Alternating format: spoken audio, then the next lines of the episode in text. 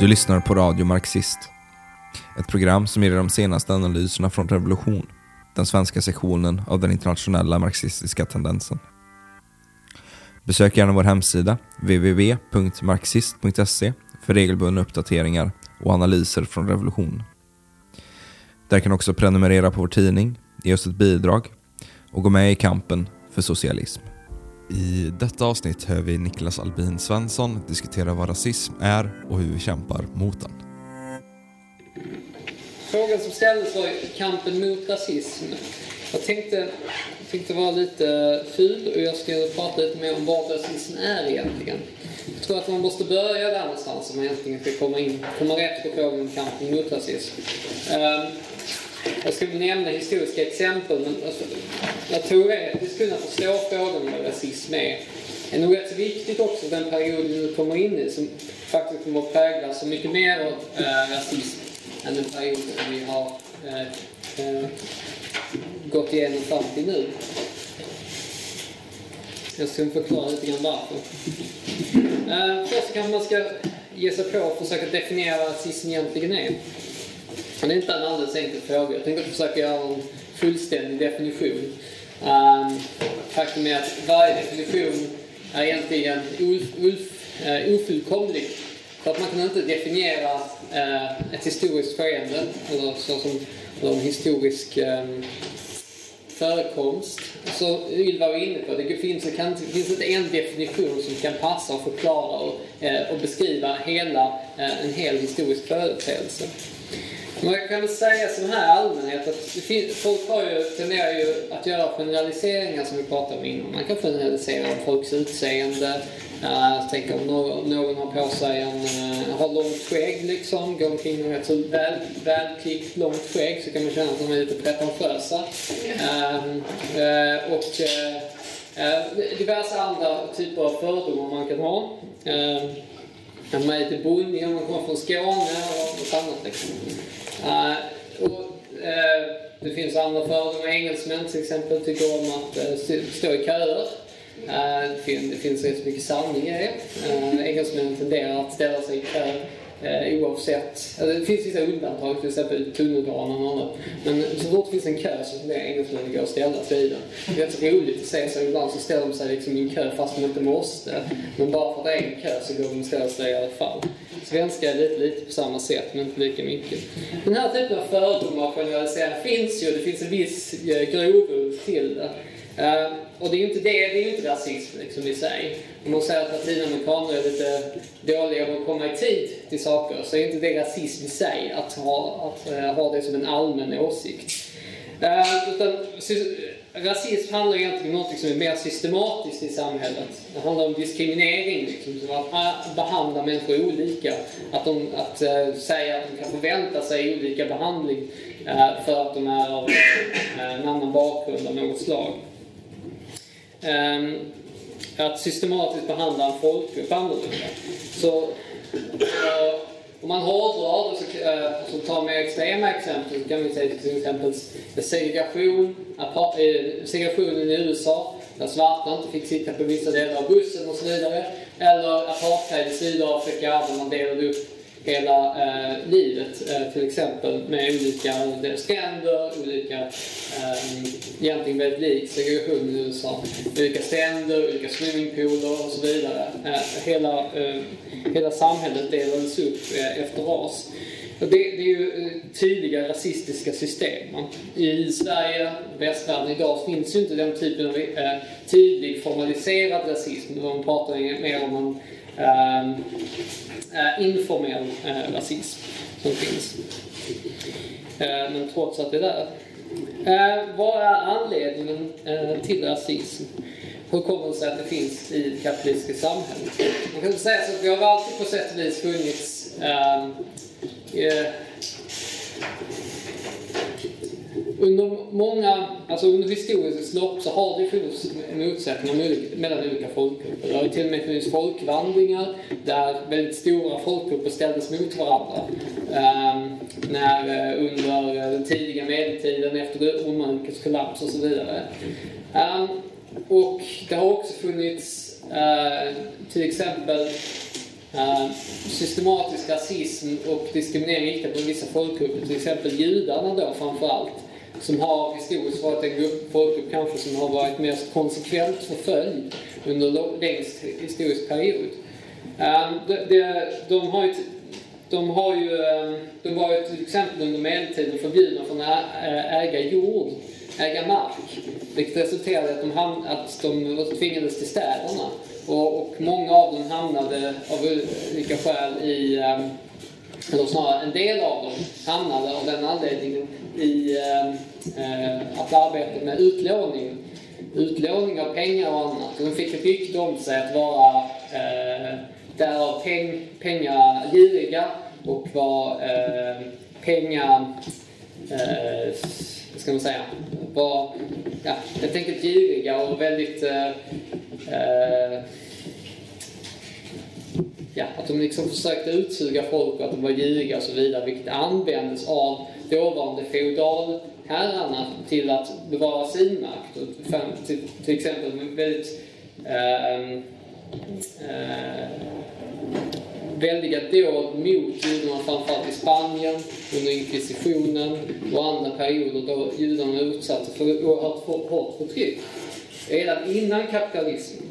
Men kapitalismen byggde på de här tidigare fördomarna och tidigare existerande um, uh, indelningen mellan folkgrupper. Till exempel slaveriet behölls i uh, södra trots att kapitalismen inte i sig bygger på slaveri så behöll den slaveriet i södra USA och fortsatte och använde det för produktionen för att kunna producera billig bomull till de eh, eh engelska eh, bomullsfabrikerna eh, och tygfabrikerna i Storbritannien. Så att kapitalismen använde de här tidiga formerna som fanns där. Slaveriet kom egentligen från den feodala epoken, det är slaveriet i, i Amerika. Men den använde detta slaveriet som kom från den tidigare epoken. Trots att slaveriet var förbjudet i Storbritannien vid den här perioden så använde de trots allt slavarbetet i södra USA för att få till sig billig bomull. Och det var ju, um, och den brittiska borgarklassen stödde under amerikanska inbördeskriget ville de egentligen stödja eh, slavarna i USA eh, eh, förlåt, slavägarna i USA gentemot norr. Eh, och det var liksom egentligen ett slags andra befrielsekrig från den brittiska imperialismen som eh, amerikanerna slogs då. Men den brittiska arbetarklassen eh, ställde sig faktiskt på andra sidan. Marx deltog bland annat i den kampanjen mot slaveriet och för eh, eh, norr, eller den, eh, för den norra kapitalismen eh, i eh, det amerikans, andra amerikanska revolutionen som vi kallar det. Ja, i alla fall. Så de använder i alla fall de här förut existerande för att dela upp arbetarklassen. Då är det att dela arbetarklassen i olika levnadsförhållanden, olika förväntningar, livsförväntningar, inkomstförväntningar, olika löner i olika delar av världen, men också lokalt. Alltså att dela upp olika skikt av arbetarklassen med olika löner. Det sker bland annat då genom eh, att dela in folk efter hudfärg, också efter kön och andra liknande saker. Eh, det andra är behovet av syndabockar och där spelar ju framförallt då har då det judiska folket spelar en viktig roll eh, historiskt sett. Vi ska komma in på det lite närmare lite senare. Och imperialismen och rasismen är egentligen nära sammanknutna. Det är, ingen, det är ingen, inget sammanträffande egentligen att eh, Afrika och utsugningen av Afrika eh, ligger så nära till hands och sammanträffar med samma hudfärg som slavarna, eller de segregerade var, i, hade i eh, USA. Ehm, de här bygger och stärker varandra. Segregationen inom landet, inom USA, det faktum att arbetare, svarta arbetare i USA hade andra löner än vita arbetare som utförde samma arbetsuppgifter. Den segregationen är bara ett lokalt fenomen av det som man kan se på ett globalt plan. Det vill säga att det finns en lönesegregering mellan då, eh, arbetare på, eh, i Afrika eller Kina och de arbetare i Västeuropa och USA. Det finns alltså en viss privilegie hos arbetarna i eh, Västeuropa och USA som inte eh, de arbetar i andra delar av världen har till, tillgång till. Och det är detta som kan reflekteras också inom ett land, i den form av eh, rasism inom ett land. Men det är som ett, eh, egentligen samma fenomen som ett del av ett internationellt imperialistiskt system där man fördelar och indelar arbetarklassen i olika skikt med olika eh, förväntningar, olika löner och så vidare. Ehm, och, den, och som en del av detta, det, det som kan, eh, det vi kallade arbetararistokratin då, som har som ges dessa privilegier, eller de kämpar till, till viss del, men också ges, ges eftergifter för att kunna köpa deras lojalitet under en period.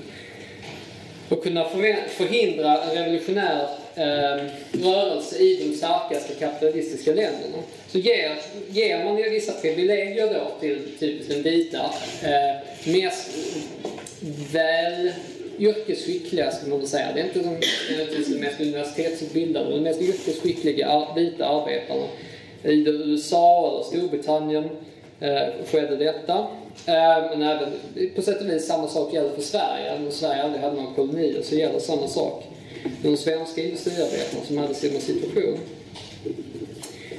Eh, Trotsky berättar lite grann om 20 eh, och 30-talets arbetarrörelse. Och man ska komma ihåg att att eh, på den tiden var situationen avsevärt värre än vad den ser ut idag. Idag så har vi generellt sett, på den tiden så hade man vita eh, fackföreningar där inte svarta fick delta.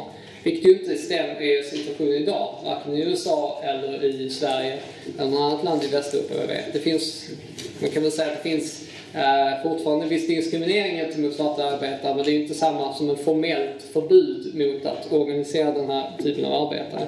Och det var det som fanns i eh, USA på den tiden. Och han, eh, Trotsky säger att det som karaktäriserar den eh, amerikanska arbetarpartierna, fackföreningarna och så vidare var deras aristokratiska karaktär. Detta är basen för opportunismen. De yrkesskickliga, eller utbildade arbetarna eh, som eh, är eh, fästa vid det borgerliga samhället och hjälper borgarklassen att hålla tillbaka de svarta och outbildade arbetarna på väldigt låga löner. Vårt parti, nu pratade han också om det trotskistiska partiet vid eh, den tiden, det parti som hette Social Workers Party. Vårt parti är inte säkert från en generering om den, om den eh, bara är ett ställe för intellektuella, halvintellektuella, eh, väl, eh, yrkesskickliga arbetare och judiska arbetare som bygger helt isolerade från eh, den allmänna massan i USA. Under de här partierna, eh, de här eh, förhållandena kan inte vårt parti utvecklas. Ehm, han skriver också när den vita arbetaren eh, ger, ehm, har rollen som förtryckare kan han inte heller, eh, heller befria sig själv. Och än mindre de, ehm, de frukta, förtryckta kol, folken i kolonierna. Um, rätten till självbestämmande för de koloniala folken kan i vissa perioder leda till olika resultat men i slut, slut, uh, i slut, slutändan tack, uh, så kommer kampen mot, uh, mot imperialismen att leda till befrielsen av de koloniala folken. Um, vad han är inne efter här pratar om liksom är rätt, uh, vikten av att, den, att arbetarklassen i de avancerade länderna stödjer kamp, befrielsekampen i de koloniala länderna som faktiskt fanns kolonier kvar på den tiden. Indien till exempel var fortfarande en brittisk koloni. Um, och att även den här rörelsen inte alltid har en tydlig klasskaraktär eftersom arbetarklassen i de här länderna inte är så utvecklad. Det är så viktigt för arbetarklassen i de avancerade länderna att stödja eh, befrielsekampen trots detta. Och inte, som opportunisterna hävdade, det var till exempel en debatt i den tyska socialdemokratin i början på 1900-talet, där man hävdade att kolonialismen och imperialismen civiliserade barbarerna, så att säga. Och jag tror jag ska säga att till viss del så finns det finns ett visst mått av sanning i det här, liksom, att, att eh, eh avancerad industri och så vidare hjälper till att civilisera de här länderna. Det finns ett visst mått av sanning. Men det, mycket, det som är mycket eh, viktigare är att den arbetarklassen kan inte eh, medverka i förtrycket av de här folken. Om de vill vara självständiga så måste en arbetarklassen i de imperialistiska länderna stödja dem i deras kamp. Och detsamma gäller för övrigt, sa han, om eh, de svarta i USA. Om de vill ha självständighet, det självbestämmande, det talades om detta i, eh, på den tiden, om att skapa en, en slags eh, en, eh, en svart delstat. En, en delstat speciellt för de svarta i USA att de skulle, och då sa Trotsky att, de skulle, att om de svarta ville detta så måste den vita arbetaren försvara deras rätt till detta. Eh, han sa att, eh, och det, det berodde vid den tiden, jag tror att den idén är död nu, eller har försvunnit, men på den tiden så var det en del av den svarta, eh, den tidiga svarta människorättsrörelsen, ska man säga, Eh, var just som en, som en del av att skapa ett eget land för de svarta genom ett eget eh, hemland i USA eller en egen stat som inte då var, eh, av, som då inte var en rasistisk karaktär. Så det är det här det kommer ifrån. Um, han sa, uh, hans åsikt om den amerikanska arbetaren på den här tiden, inte deras potential men hur deras inställning var den här tiden, så sa han att 99% av de amerikanska arbetarna är uh, chauvinister i relation till de svarta de är eh, bödlar, men också gentemot de kineserna. Han säger att det, de, det, det krävs att vi eh, lär de amerikanska djuren, han pratar om de vita arbetarna nu, det krävs att de, de förstår att den amerikanska staten inte är deras stat och att de eh, inte måste vara denna stats försvarare. Han pratar alltså mycket tydligt språk här att man måste visa för den vita amerikanska arbetarklassen att deras intressen mest tjänas av att stödja de svarta arbetarnas kamp. De amerikanska arbetare som säger att de svarta eh, borde Eh, har rätt att separera om de så vill och vi har rätt att, eh, och vi måste försvara dem mot den amerikanska polisen. De arbetarna är revolutionärer och jag har förtroende för dem. Han, säger även att, de, att grupper av vita arbetare som inte eh, förstår den här frågan har ingenting förtroende för och de ska behandlas med den största eh, eh, eh misstroende av eh, organisationen, av eh, organisationen. Måste, om det är en grupp av bara vita arbetare som inte har förmåga att, att eh, att eh, diskutera med, med, andra, typ, andra arbetare eller med svarta, då är, är det någonting som är problem. måste vara, och den typen av kultur kan vi inte ha någonting med att göra. Det var, var han inne på i alla fall. Och vad det här bygger på är helt enkelt att man kan inte låta den här typen av arbetararistokrati-mentalitet, alltså någon slags privilegierad mentalitet om att vissa arbetare, vi är bättre än, än andra, att, att det ska komma in i organisationen. Och det var det som han kämpade mot på den tiden. Jag kan säga att det här är inte så stor risk idag som det var på den tiden. Det är inte ett så utbrett eh, problem idag som det var under 20 och 30-talet. Men likväl kan man hitta det framförallt inom fackföreningarna, den här typen av attityd. Eh, I något mindre uttryckt form. Ehm, och ehm, det här systemet med att dela in arbetare i olika, med olika mellan arbetare i väst arbetare utanför västvärlden och så vidare. Det är också en del av gränserna och eh, systemet med gränser och eh, gränskontroller och kvoter och annat för hur många som kommer, får komma in i landet och så vidare. Det handlar helt enkelt om att de, de imperialistiska staterna håller i, eh, håll, upprätthåller sina gränser för att hålla de sociala problemen som finns i de andra länderna utanför. Så man, det sätter upp gränser man försöker förhindra de sociala problemen, arbetslösheten, misären, fattigdomen. De sociala problemen håller man där borta. Va? Så man håller dem borta och genom vapenmakt då håller man de sociala problemen utanför. Militären och annat. Eh, till exempel då i mellan Medelhavet så föreslog eh, EU när de först, de, förra året så slutade de ju det här programmet med att man skulle rädda folk från de här båtarna som kom över havet.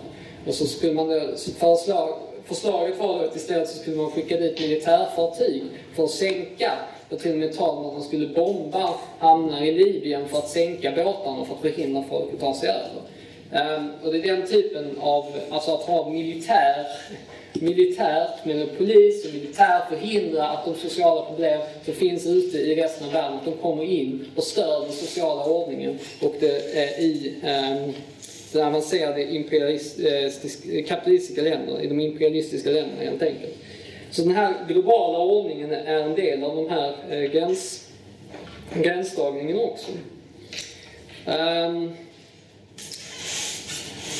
och att behålla den här arbetar, eh, till viss del en arbetararistokratis privilegier på borgarklassens villkor. Det vill säga att de har alltid rätt att ta, de kan alltid ta in fler invandrare. Det kan de alltid kontrollera. De kan öppna gränserna när de känner för det. De kan också stänga dem när de känner för det. Och jämt och ständigt finns det alltid en konstant eh, antal eh, flyktingar och invandrare som kommer och eh, olagligen till landet. Och med, genom att på olika sätt reglera det här flödet så kan de då skapa just det mått av eh, lönekonkurrens som de är intresserade av, som passar dem för den situationen det är.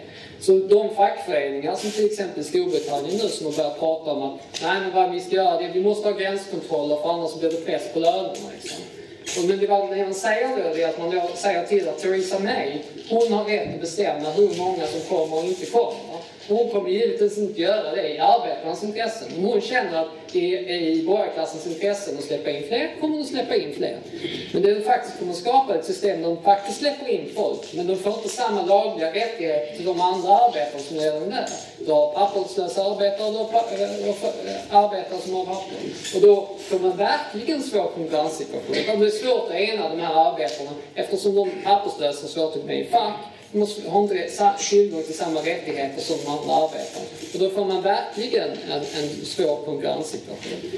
Och vad egentligen fackföreningen ska göra, vad den vägrar att göra, det är att de ska organisera de här invandrarna. Organisera och tvinga och kräva facklig, ha facklig kamp för att kämpa till sig de här löneökningarna som eh, inte eh, borgarklassen vill ge dem. Det handlar inte om att stänga gränserna, utan det är bara ett sätt för dem att täcka det fack, eller, att, eh, att maskera det faktum att de själva, fackföreningsledarna alltså, vägrar att gå till strid för bättre förhållanden för arbetarklassen. Ehm, vilket är deras ansvar. Och i dessa så måste man också organisera de papperslösa. Det finns till exempel ett exempel eh, en av våra kamrater i Storbritannien, han jobbar på ett eh, kraftverk, de håller på att bygga ett elkraftverk på Shetlandsöarna eh, av alla ställen. Eh, glömt hur det kolkraftverk, nu spelar inte Han är elektriker. Och eh, det var företaget då, de bestämdes för att eh, de skulle försöka eh, importera typ så här som all, det här Laval-företaget i Stockholm. Alltså importera ett gäng med polska eh, by byggarbetare istället. Och givetvis då ge dem eh, lägre löner än vad de brittiska arbetarna fick. Ett polskt företag kom in och så vidare, så allt helt lagligt. Så att säga. Eh, och de fick hade andra villkor och andra löner. Och, men vad då fackklubben gjorde, istället för att säga som den eh, eh som eh, brittiska politiker säger ja, brittiska jobb för brittiska arbetare och så vidare.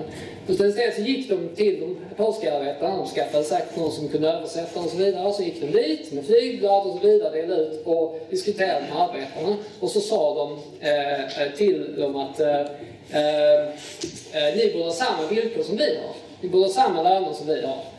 Och vi är villiga att stödja er eh, för att få samma villkor.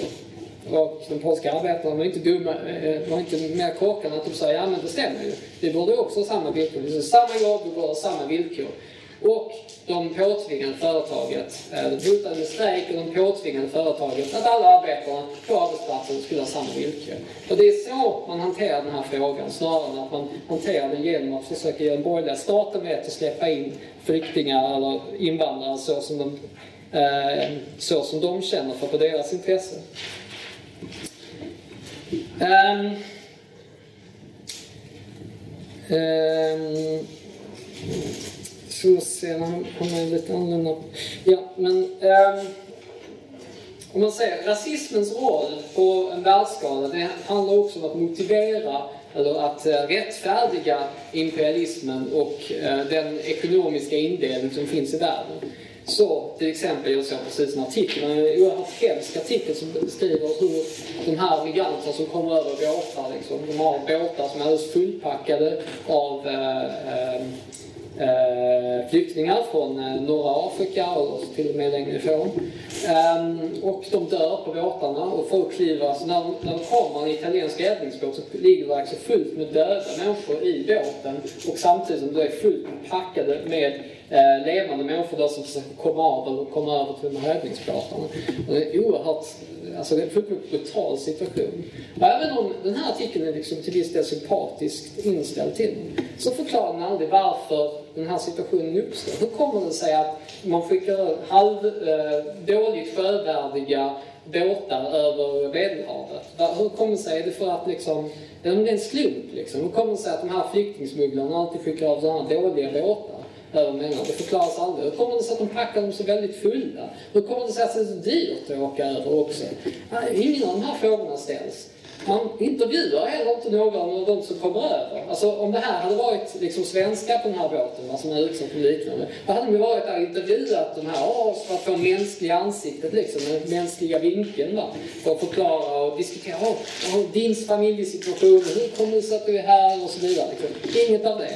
Utan när man får de här bilderna liksom, som visserligen är illa nog, men du får inte hela bilden som sagt skulle hänt om det här var svenskar som, eh, i det här fallet amerikaner, till en amerikansk tidning, men alltså eh, som hade varit på den här båten. Du får inte den här, du tar, gör helt enkelt det där arbetet. Anledningen till att de sitter på undervärdiga båtar är förstås att om de hade åkt över till, till med, en van, med en vanlig fullvärdig sjövärdig båt till Europa Eh, och med ett normalt antal flyktingar, eller liksom med normal last så att säga, inte överbelastad och så vidare. Men vad som händer när båten kommer till andra sidan är att den konfiskeras av EU. Eller av landet den hamnar i. Då. Det vill säga om du kör, betalar investerar i en båt som flyktingsmugglare och sen skickar över den, alltså dyr båt som är sjövärdig och så vidare, och skickar över den, så blir du av med den i slutändan av affären. Så det blir helt omöjligt att tjäna pengar liksom, du blir av med båten varje gång. Liksom. Och du försöker göra en färjetrafik som bara går ena vägen. Alltså kostnaden, utlägget för båten blir ju alldeles för mycket. Helt undantaget besättningen och vissa och annat. Så att vad de måste göra för att flyktingsmugglaren ska fungera finansiellt måste de ta väldigt utlösa summor och dessutom ha båtar som är väldigt, väldigt dåligt skick. Så de måste eh, eh belasta dem, överbelasta dem fullständigt. Annars fungerar helt enkelt inte den här smugglingsprocessen finansiellt. Det går inte att tjäna pengar på den, det går inte ens att få den att gå runt. Men det förklaras ju aldrig i de här artiklarna. Du förklarar aldrig hur det är en del av ett system, ett rasistiskt system, som skiljer folk åt och tvingar de här människorna till fullkomligt ovärdiga förhållanden. Um, istället så får man uh, mycket lögner och uh, historier berättande om folk. De är obildade, okultiverade, de är lata. Några långa historier för några år sedan om hur grekerna var lata, hur de inte arbetade tillräckligt mycket. De, uh, liksom, de tog siesta och man hade det ena med det andra. Liksom. Allt var lögn, men det hindrar inte att som sitter och sprider det i, eh, i massmedia. Det var, väldigt, det var många tyska tidningar framförallt som gjorde detta för att de motiverade de hårda krav som eh, Merkel och flera ställde på den grekiska regeringen. Eh, eh, det har jag redan nämnt. Eh, så det här är liksom, eh, det är den ena funktionen som nazismen fyller i det, eh, fyller i det kapitalistiska samhället. Just det här att motivera olika löneskillnader. Det vill säga att du kan tjäna avsevärt mer pengar på en del av arbetarna och du kan motivera det gentemot en annan grupp av arbetare som egentligen har gemensamma intressen. Du kan splittra dem, dela dem och på det sättet kunna upprätthålla det kapitalistiska systemet. Ehm, det andra handlar om att, som inte är helt skilt men, eh, ehm, men inte riktigt samma, det handlar om syndabockar. Och som jag nämnde så har det judiska folket varit det mest utsatta för just den här syndabocksgrejen. Eh,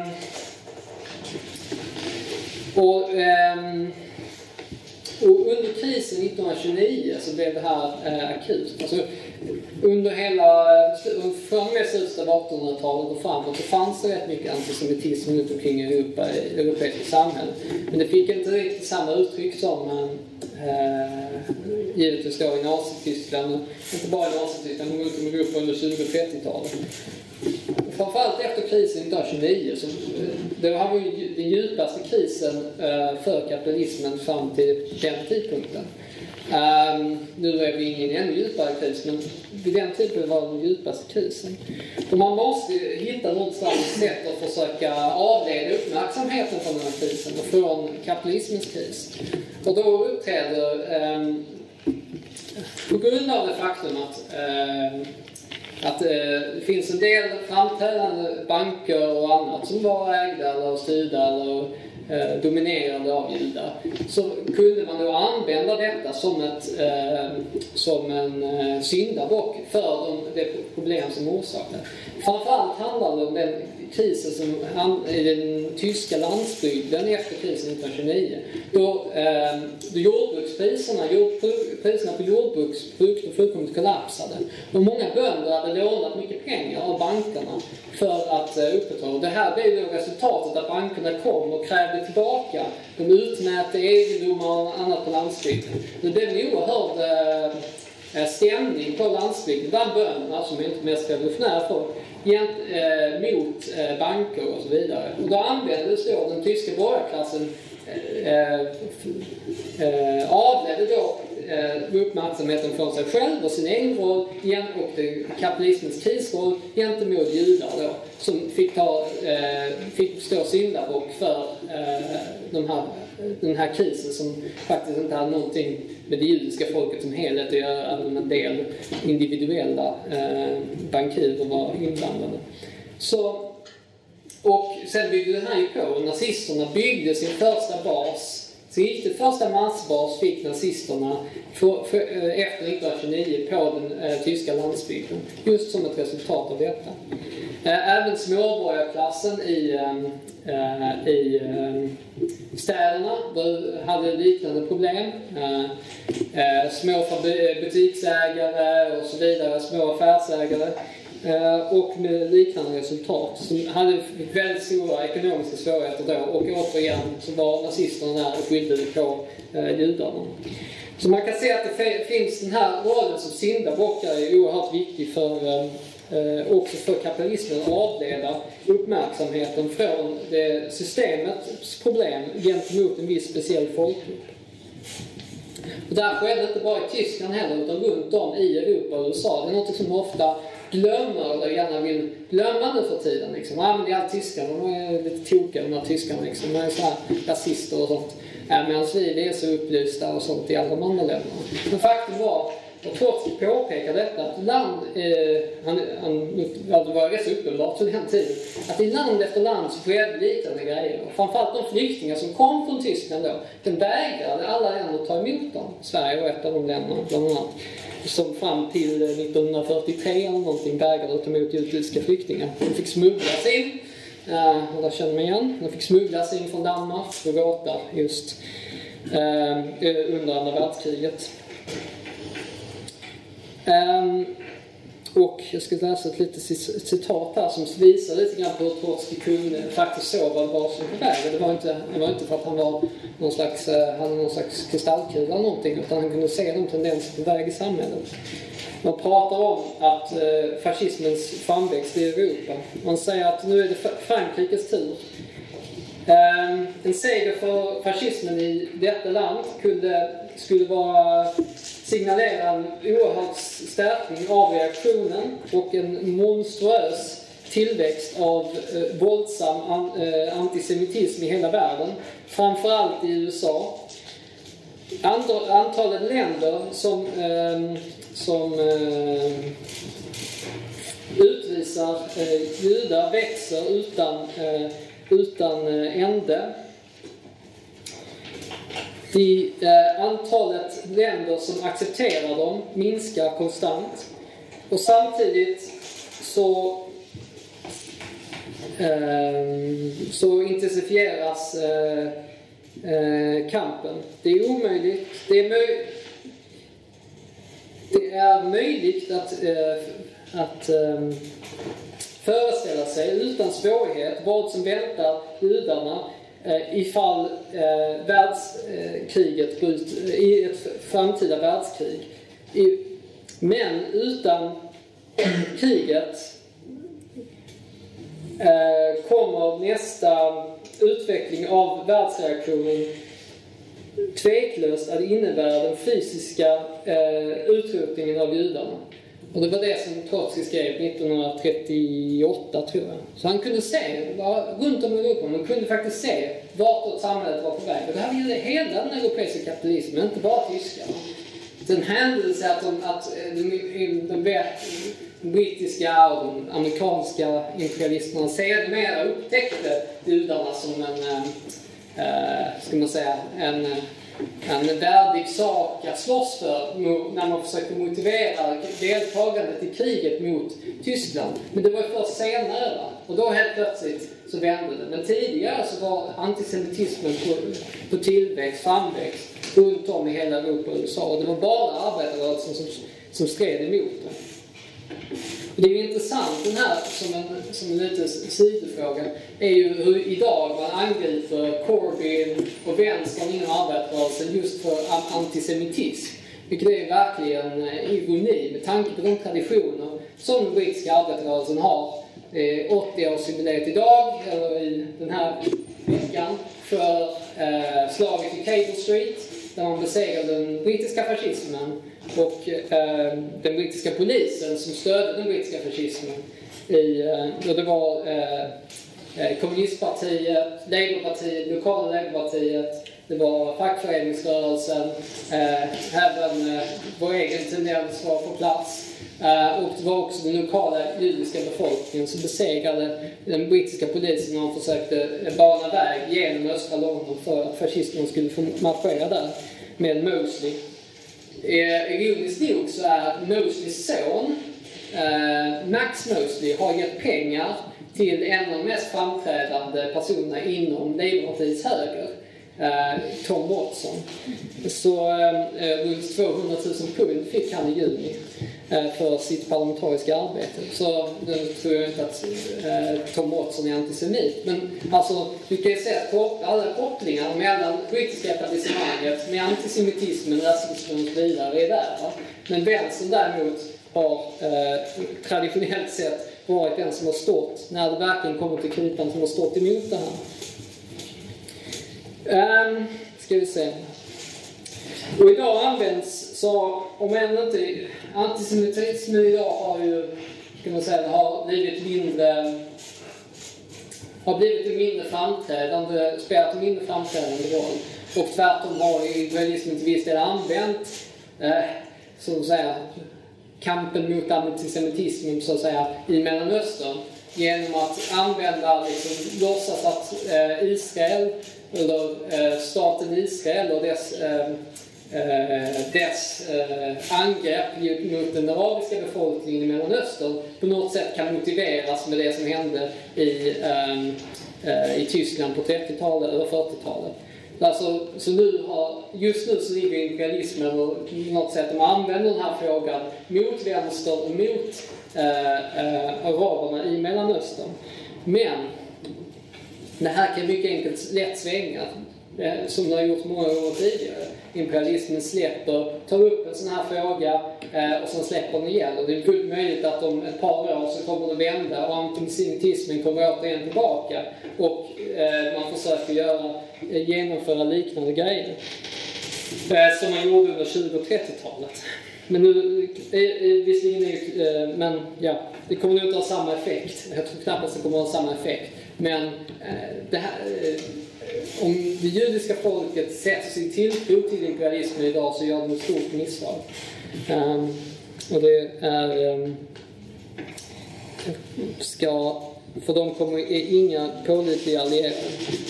Men eh, det som används mycket idag är ju givetvis invandringen då, alltså är den nya, liksom, alla problem som finns i samhället är, beror ju på invandringen. Om det, var så, om det inte var så att vi hade fått eh, liksom, de här tusentalet människor som kom in i landet så hade vi inte behövt ha några nedskärningar, skolan hade fungerat som vanligt, lönerna hade vuxit som, var, som de gjorde på 50-talet och så vidare. Och allting skylls på invandringen liksom. Det är Sverigedemokraternas linje. Um, och eh, det är även eh, nu eh, eh Lars-Erik, nej inte Lars-Erik Lövdén, jag blandar ihop dem. Eh, Löfvens eh, linje, Socialdemokraternas linje, att vi har inte råd med invandringen. Vi har, vi har råd med nya försvarsutgifter förstås, för, mot ryssen, men vi har inte råd att ta emot eh, föräldralösa flyktingbarn. Det är eh, Löfvens eh, linje. Men, men som eh, som jag sa, det finns en eh, rationell förklaring bakom rasismen. Det är inte så att det ligger i arbetarklassens intresse att vara rasistisk. Men det finns en materiell bas från, eh, och det finns ett intresse från den kapitalistiska klassen att upprätthålla rasismen. Och det är det som eh, och det är just detta, det är därför som eh, en kamp mot rasismen, som faktiskt kan vara en framgångsrik kamp, måste också vara en kamp mot kapitalismen och dess förhållanden de förhållanden den skapar. Det handlar liksom inte om att, att förvandla och ändra språkbruket som eh, varit populärt på vänstern de senaste åren. Att försöka hitta nya ord för att beskriva precis samma förhållanden som har funnits där tidigare. Jag läste citat från eh, Trotsky. Alla de citaten är fyllda av eh, eh n-ordet för att beskriva de svarta. Men det var, på den tiden var det, var det inte något speciellt, var det inget konstigt och märkligt. Uh, det är inte, ja, ettan, tvåan, kan man säga. Uh, och tvärtom, de svarta använde de för att beskriva, det ordet för att beskriva sig själva och sin egen kamp och sina egna organisationer. Men de har givetvis ändrat. Men det har inte ändrat de grundläggande förhållandena. Då. Till, till viss del har förhållandena ändrats, men de har inte i grunden förändrat det rasistiska systemet i USA. Som vi ser ju uh, nu för tiden dagligen på Facebook eh, om nya eh, attacker där en ny, eh, någon svart handikappad person i en bil har blivit skjuten för att han tittade snett på någon polis eller någonting. Eh, systemet har ju inte i grunden förändrats. Eh, och det är endast genom att avskaffa de här förhållandena som vi kan också eh, avskaffa de symptom som vi innan av eh, rasism och förtryck Eh, det kapitalistiska systemet måste avskaffa detta. Och i detta, det kommer ta lite längre tid, inte så mycket snart, eh, så måste vår linje vara klassolidaritet. Att ena arbetarklassen inom länderna över olika eh, minoriteter eller olika hudfärger eller olika kön och så vidare. Sexualitet. Ena arbetarklassen inom landet i kamp, men också arbetarklassen internationellt gemensam kamp mot eh, borgarklassen och mot kapitalismen. Och det, eh, och det är där, eh, det är också där som vi kommer enas i kamp mot rasismen det, måste, det innebär givetvis att vi måste ha en kamp inom arbetarrörelsen också för att riva ut alla typer av rasistiska eh, attityder som säkert finns. Eh, motsätta oss alla försök att försöka dela arbetarklassen genom till exempel den här typen av restriktiv eh, flyktingpolitik med kvoteringar, med olika eh, avtal för eh, eh, nyanlända flyktingar och folk som har varit här längre tid som eh, Socialdemokraterna har infört. Vilket måste motsätta oss. Det handlar också om att vinna unga, unga invandrarungdomar till revolutionära idéer. Att, eh, att, Eh, som, att vända dem mot kapitalistiska systemet och i strid mot det kapitalistiska systemet. Och då men också i solidaritet med arbetarrörelsens organisationer och vända dem mot arbetarrörelsen. Men det handlar också om att strida mot eh, de polis, den polisrepression som de här samhällena, eller de här eh, eh grupperna i samhället konstant blir utsatt för i den mån eh, en sådan kamp utbryter, som det faktiskt har gjort i USA på en väldigt, en väldigt stor skala i Black Lives Matter. Så framtiden kommer, är helt tydligt så att högern kommer, kommer att röra sig mot höger, eh, som inte är alldeles ovanligt, men högern kommer eh, att håller på att radikaliseras. Man ser det tydligt med det brittiska konservativa partiet i Storbritannien. Och det innebär ju också att vi måste svara. Och, som, och i, man kan ju säga att till Corbyns stora, eh, eller en av de grejerna som man verkligen stått fast vid mot, gentemot hårdtryck är just i den här frågan om invandringen. Där eh, eh, de kons- det var började med Ukip, men nu är konservativa och högern inom Labour. Alla måste lyssna på de som har eh, concerns. säga, liksom, de, har, eh, de är oroliga för invandring. Vi måste lyssna på dem. När man med säger lyssna på dem så innebär det givetvis att eh, eh ge ursäkter till rasistiska attacker. Sedan Brexit-omröstning så är det en polsk äldre 40-årig polsk man som blev ihjälslagen i Essex.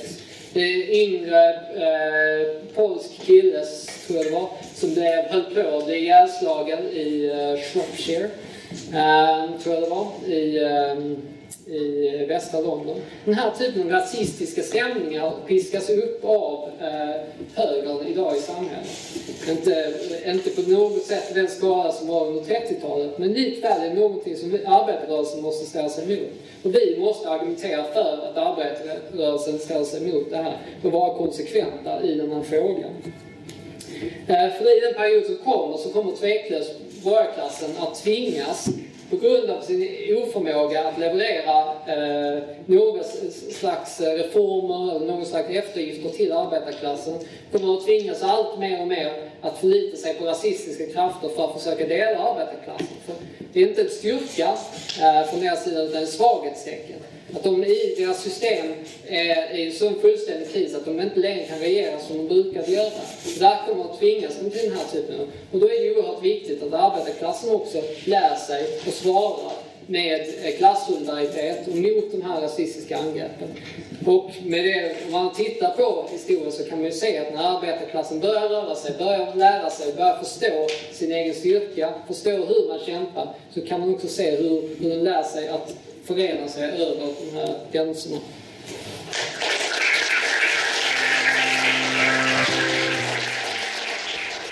Tack för att du har lyssnat på Radio Marxist. Prenumerera på oss via Soundcloud, iTunes, Spotify eller där du hittar poddar. Vill du veta mer om oss i Revolution? Gå gärna in på vår hemsida www.marxist.se där du kan ta en prenumeration på vår tidning, ge oss ett bidrag eller gå med oss i kampen för socialism.